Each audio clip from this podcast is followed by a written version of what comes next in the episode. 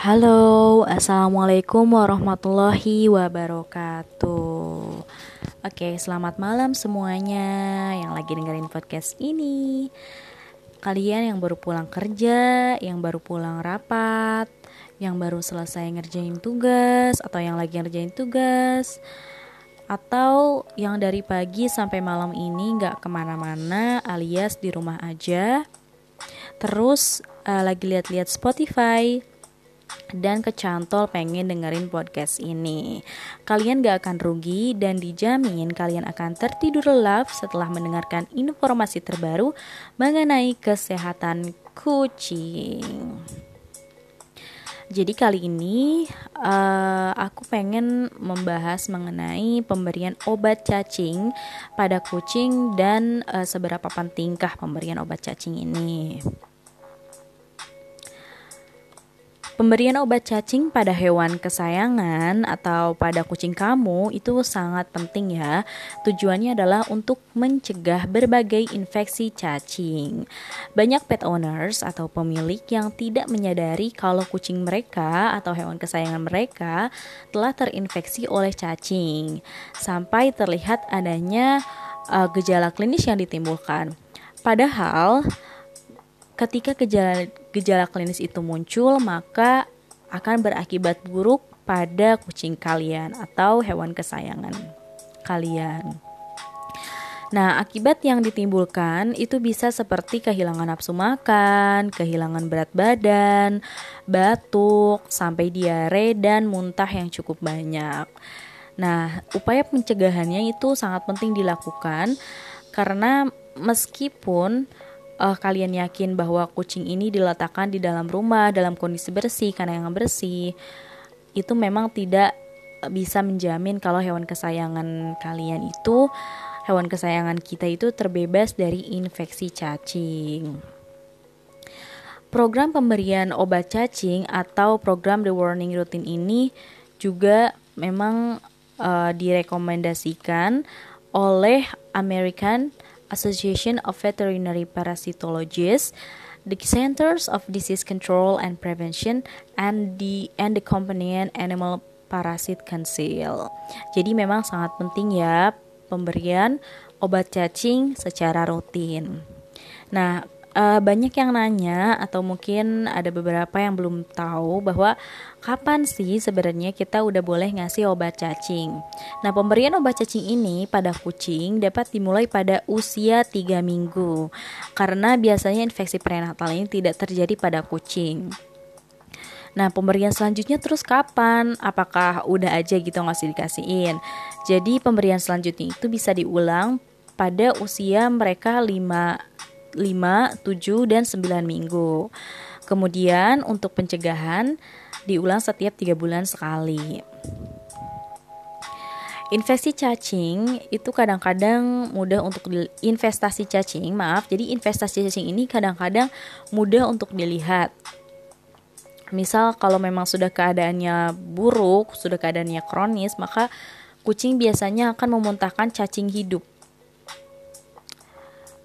jika tidak, mungkin kamu sebagai pet owners yang selalu membersihkan uh, fesesnya, mungkin kamu juga bisa melihat cacing itu di feses dia, gitu. Nah, cacingnya tuh apa aja sih sebenarnya yang biasanya ada di kucing? Yang pertama adalah cacing pita. Nih, segmen cacing pita ini bisa dilihat di ujung belakang kucing di dekat rektum atau di dekat uh, tempat dia mengeluarkan feses atau mungkin di tempat tidurnya. Cacing ini biasanya kelihatannya tuh pucat, seperti benih kecil ketika kering. Kalau dia baru muncul dari rektum, mungkin kalian pet owners yang ngelihat itu bisa melihat segmennya itu dia bergerak-gerak. Jadi cacingnya itu bersegmen-segmen ya. Kemudian yang kedua adalah cacing tambang. Nah, cacing ini nggak nggak mudah buat dilihat kayak cacing pita. Nah, cacing uh, tambang atau uh, cacing tambang ini biasanya untuk uh, mengetahui apakah ada cacing tambang atau enggak biasanya kucingnya itu uh, menjadi lesu atau bulu kusam. Tapi hal ini harus uh, melalui diagnosa ya. Diagnosa jenis cacingnya itu apa? Sehingga pemberian obat cacingnya juga tepat. Jadi lebih baik kalian membawanya ke dokter hewan untuk diperiksa lebih lanjut supaya terapinya itu tepat. Uh, berdasarkan artikel yang saya baca bahwa memang uh, cacing ini bisa ditularkan oleh kutu. Nah, beberapa obat cacing ini bekerja untuk membunuh cacing dewasa. Namun biasanya eh, apa ya pemakaian obat cacing ini perlu diulang. Tujuannya apa? Dia untuk membunuh telur cacing yang nggak bisa dimatikan oleh obat cacing yang sebelumnya. Karena dalam siklusnya telah menetas menjadi cacing dewasa. Nah, jadwal pengobatan yang direkomendasikan itu sejak berumur 2 sampai 3 minggu. Tujuannya adalah untuk membunuh semua uh, atau cacing gelang yang mungkin berasal dari dari induk dari susu induk atau dari anak anjing yang mungkin telah terinfeksi dari lingkungan. Uh, kalau hal ini kalau maksudnya ter, uh, cacing ini yang ditularkan dari susu induk ini bisa terjadi juga pada anjing dan kucing, tapi memang lebih sering pada anjing. Nah, cacing pita yang tadi saya bilang jenis cacing itu tadi cacing pita dan cacing tambang ini biasanya sangat umum pada kucing. Biasanya lebih sering ditularkan oleh kutu dan parasit ini juga bisa menular pada manusia yang termakan kutu yang terinfeksi. Nah, cacing ini akan mati dengan obat cacing golongan praziquantel. Contoh obat yang mengandung bahan aktif praziquantel yaitu contohnya adalah Drontal Plus.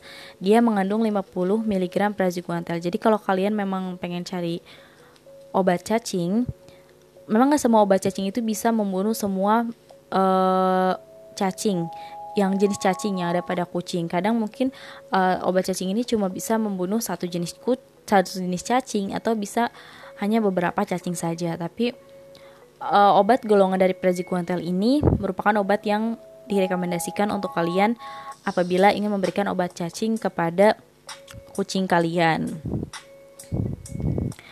Karena selain uh, membunuh cacing pita, Obat ini juga membunuh jenis cacing-cacing tambang seperti saya sebutin aja meskipun kalian mungkin ada yang kurang tahu, kurang bisa, kurang apa ya, kurang agak ini apa ya gitu. Saya sebutin aja ya. Contoh cacing tambang itu namanya Ankylostoma caninum. Unsinaria stenocephala. Cacing gelang jenisnya adalah spesiesnya adalah atau Toxascaris leonina dan cacing cambuk Trichuris fulvis. Nah, sebaiknya juga untuk kalian pet owners berhati-hati lagi dalam memberikan obat cacing karena uh, obat cacing ini bisa sangat beracun untuk hati hewan kesayangan Anda. Sebaiknya berikan sesuai anjuran dan selalu konsultasi dengan dokter hewan yang kalian percaya. Jadi uh, kali ini podcast kali ini um, merupakan ada beberapa literatur yang memang saya dapatkan dari fatnews.co. Oke deh, mungkin segitu aja udah lumayan panjang 9 menit. Biasanya kadang-kadang pendek, kadang-kadang panjang sih, tapi ini lumayan sih menurut aku lumayan panjang ya.